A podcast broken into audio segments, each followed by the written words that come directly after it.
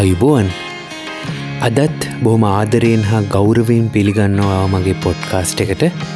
අද මම මේ අරගෙනන්නේ මේ පොඩ්කාස්ට් එකේ නවවෙනි එපිසෝඩ් එක.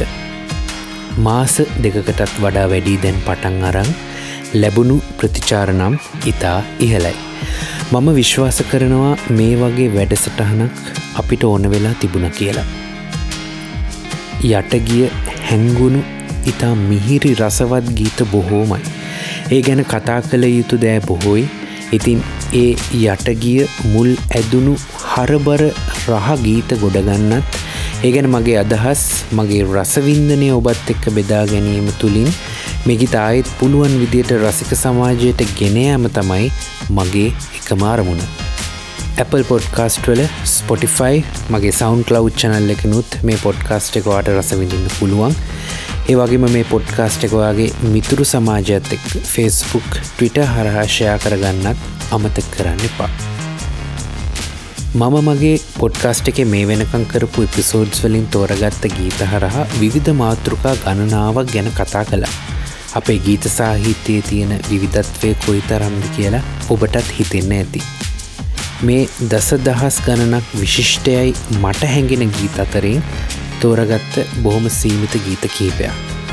තව ඉස්සරහට මේ වගේ විවිධ සංසිද්ධීන් අලලා ලියවුණු ගීත පෙළගස්සල තියෙනවා මගේ මේ පොඩ්කාස්ට් එක හරා ඔබත් එක්ක බෙදාගන්න. ඒනම් බලමු අදමම තෝරගත්තු ගීතය මොකක්ද කියලා.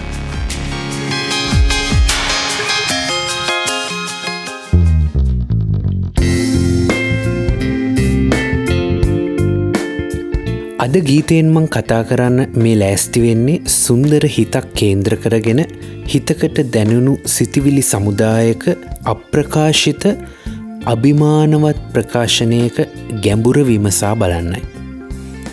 ආදරය ගැන මම ඕනවටත් වඩා කතා කළා මම අන්තිමට කරපු වසන්තයේ මල් ගීතය ඇරඹුමම කඳුලක් වෙලා ලෙලැසියේ ආලේගාතා මල් පිපිලා එපිසෝඩ්වලින් ආදරයේ විවිධ පැතිකඩයන් මම ඉස්මතු කළා. ආදරය කියන්න අපි හැමෝටම ලැබෙන දෙයක්. පොඩිකාලෙම අපිට ආදරය ලැබෙන්න පටන්ගන්න අපේ අම්මගෙන් තාත්තගෙන්. වැඩිමහල් සහෝදර සහෝදරයක් ඉන්නවා නම් ඊට පස්සේ යාලගෙන් ආච්චිකින් සීයගෙන් ඊට පස්සේ නෑදෑ පරපුරෙන් මේ විදියට අපිට ආදරය හිමි වෙනවා. ඒ ආදරෙත් එක්ක අපි හැදී වැඩෙනවා. ජීවිතය යම් වැඩිමහල් අවදියකටාවම තමයි අපි වෙනස්ම විදියේ ආදර කතන්දර කියවන්න ගන්නේ. ඒ අතරින් එකක් තමයි මේ ප්‍රතිවිරුද්ධ පාර්ශවයකින් ලැබෙන ප්‍රේමය. මේ ප්‍රේමය අර මම කලින් සඳහන් කළ ප්‍රේමයන්ට වඩා හාත් පසින්ම වෙනස්. මේ ආදරය අපි මැරෙනකං ළඟතියන් පරිස්සං කරන ආදරය. මේ ආදරය අපිට ජීවිතයට අලුත් අත්දැකීම් බලාපොරොත්තු සිහින සතුට දුක සිනහව ගේන ආදරය. ඒත් මේ ආදරය අපි හැමෝටම උරුමයිද. එහෙම නොලැබුණොත් ඒක ජීවිතයට මහා තනිකමක්ද. තනිකර ජීවිතය කියන්නෙත් විවාහ ජීවිතය කියන්නෙත් කෙනෙකුගේ තේරීමක්. චොයිස් එකක්. විවාහවීම කියන කාරණයේ පසුබෑමක් මත තනිකඩවීමත් විවාහ නොවී තනිකඩ ජීවිතයක් ගත කිරීම කියන්නේ ජීවිතය අපි ගන්න තීරණයක ප්‍රතිඵලයක්. එයින් කෝකද හරි කියල තීරණය කරන එක මතු පිටින් බලල කරුණුකාරණ හරි හැටි සොයා නොබලා තීරණය කරන එක හරිම අසාධාරණ දෙයක්. මොකද අපි කවුරුත් තව කෙනෙකුගේ ජීවිතය වෙන්න මොනවද කියලා දන්නේ නැති නිසා. මේ ඒ වගේ සුන්දර අභිමානවත් තනිකඩ ජීවිතයක් ගෙවන තනිකඩයකුගේ කතාවයි. හරිම ලස්සන ජීවන පැතිකඩක් අලලා මේ ගීතය රචනා කරන්නේ ප්‍රවීණ නවකතාකරුවෙකු කෙටිකතාකරුවෙකු වගේම කවියකු වන මලික් තුසිත ගුණරත්නයන් ගීතය ගායනා කරන්නේ ප්‍රවීණ ගායන ශිල්පී අපේ සංගීත ශේත්‍රයේ ඉන්න තවත් දයාන්විත ගැඹුරු කටහඬක හිමිකරුවෙක් දයන් විතාරණයන් සංගීතය ආචාර්ය රෝහණ වීරසිංහයන්. මොහුත් අනිත් පෙම්වතුන් වගේම ප්‍රේමය හා බැඳුනුවේ හැම පුංචි දෙයක් ගැනම දන්නවා. ප්‍රේමයේ ඇති සියුම් කම්පනයන් තේරුම් ගන්න පුළුවන් මහ සංවේදී හදවතක් ඔහුටත් තියෙනවා. ඔහු දකිනවා මහා බලාපොරොත්තු පොදිබැඳන් අත්පටලන් ජීවිත ගමන යන පෙම්වතුන් යන්න සැරසෙන පෙම්වතුන් ඒත් මොහුවේ හැම දෙයක් දිහාම හැම කෙනෙක් දිහාම බලන්නේ හරිම සුපහන් හැඟීමකින්. පෙම්වතුන්ගේ ලෝකයේ කොටස්කරුවෙකු නොවනත් ඒ හැඟීම් ඒ සතුට තමන්නේ ආකාරයම නොයින්දත් ප්‍රේමේ තියෙන රහ ගැඹුර මොහු දන්නවා. අහිමි වනත් ප්‍රේමයට වෛර නොකර ප්‍රේමයට පෙම්වතුන්ට තව තවත් මේ හිත ආශිර්වාද කරනවා. ඇතයිදන් ඉනෙගුණාට අටවක සඳ මල් නැතිවුණාට තනියක් නෑ මේ ගහයට. තුරකන්ද නගෙන පෙම්වතුනේ අත්වැල් බැඳ. දුක හිතන්න එපා ගහගෙන මල් නොදුන්නාට. ඇත ඉදන් ඉනෙහුණාට අටවක සඳ. මල් නැතිවුණාට තනියක් නෑ මේ ගහයට. තුරකන්ද නගින පෙම්වතුනේ අත්වැල් බැඳ දුක හිතන්න එපා ගහගෙන මල් නොදුන්නාට.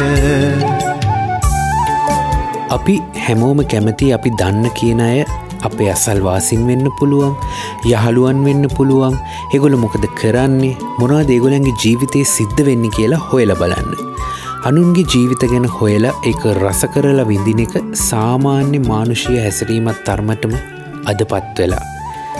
ඒත් කීයෙන් කීදනාටද පුළුවන් තමන්ගේ හිතට එබිල බලන්න තමන් කවුද තමන් මොනුවද කරන්නේ තමන් මොනුවටද ආස් මොනුවටද දක්ෂ තමන්ගේ අසමත්කම් මොනවද වගේ දේවල් හොයල බලලා තමන් ගැන ස්වන් තක්සේරුවක් කරගන්න.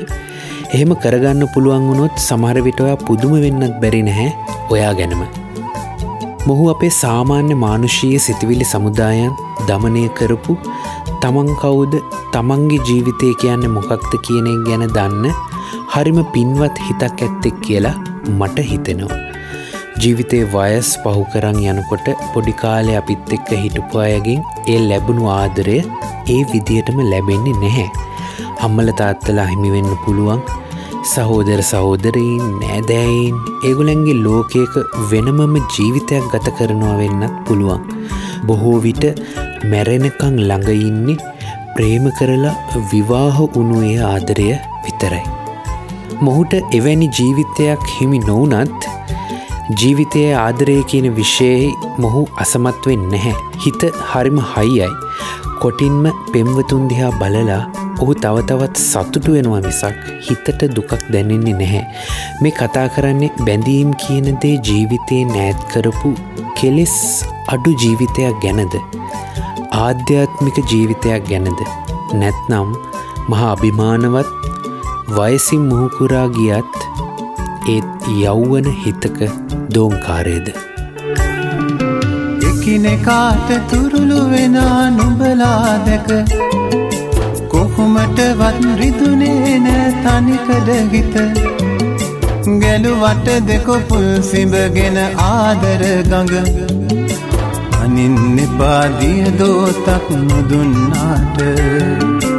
ඇත ඉඳන් ඉනගුණාට අටවක මලික් තුස්ත ගුණරත්නයන් හරි අපූරු විදිහට තනිකඩයකුගේ හදවත පහුරු ගානකොට ඒ තනිකඩ හිතේ තියෙන දෛර්ය ශක්තිය තීන්තවලින් කොල කෑල්ලකට වචන විදිහට පෙරලුවහම රෝහණ වීරසිංහයන් මහා සංකීර්ණ සංගීත සංයෝජනයකට නොගොස් ඒත් හරිම අර්ථාන්විත සංගීත අධ්‍යක්ෂණයකට මුලපුරනවා.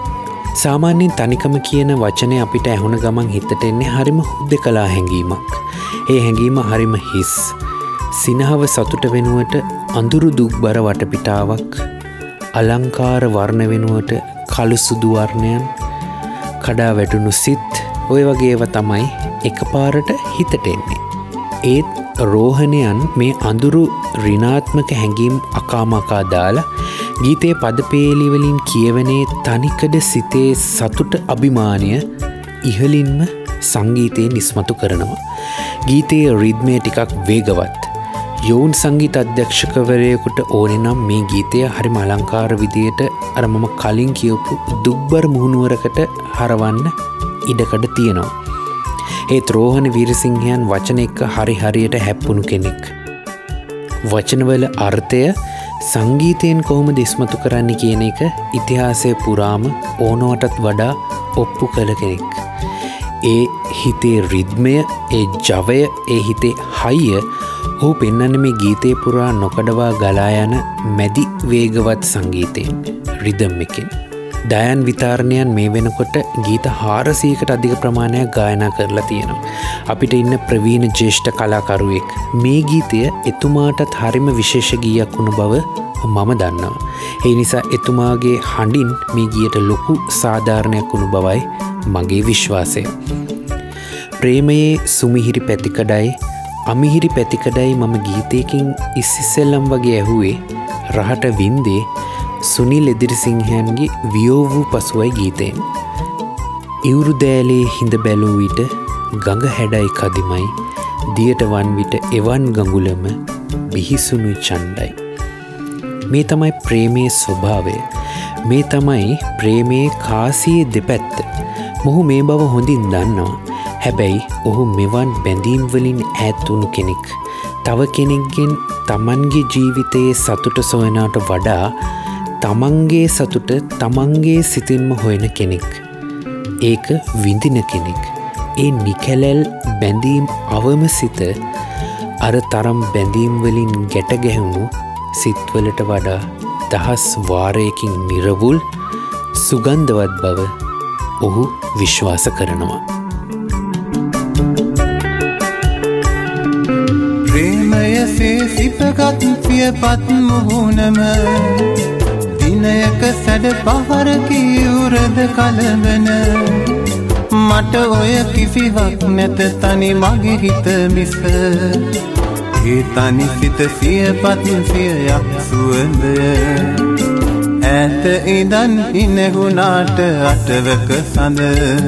මල් නැතිවුණාට තනියක් නෑ මේ ගහයට දුර කන්ද නගින පෙම්මතුනේ අත්වැල් බැඳ දුක හිතන්න එපා ගහගෙන මල් නොදුන්නාට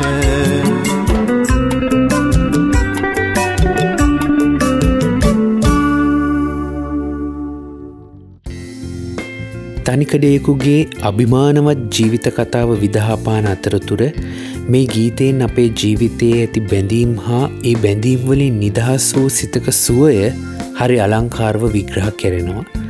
ගිහි ජීවිතයයි ආධ්‍යාත්මික ජීවිතයයි එක පෙළට පෙළගස්වා. ඒ ජීවිත දෙකෙහිම යථාර්ථයන් සුමටව ස්පර්ශ කළ ගීතයක් විදියට මං මේ ගීතය දකිනවා. ගීතය ගැන මොකද හිතෙන්නේ. මාත එක්ක සමාජ මාධ්‍ය හරහා ඔයාගේ අදහස් බෙදාගන්න පුළුවන් මම මගේ සෝෂල් මීඩියස්වල ලිංක්ස් ඩිස්ක්‍රපෂන් එක දාලා තියෙනවා. ඇති එකතුවෙන් වාගේ අදහස් බෙදාගන්න මාත් එක්ක. ලබන සතියෙත් මේ විදියට රසබර හරබර ගීයක් අරංගෙන පොරොන්දු පිට අදට මම සමුගන්නවා. මම අවිශ්ක.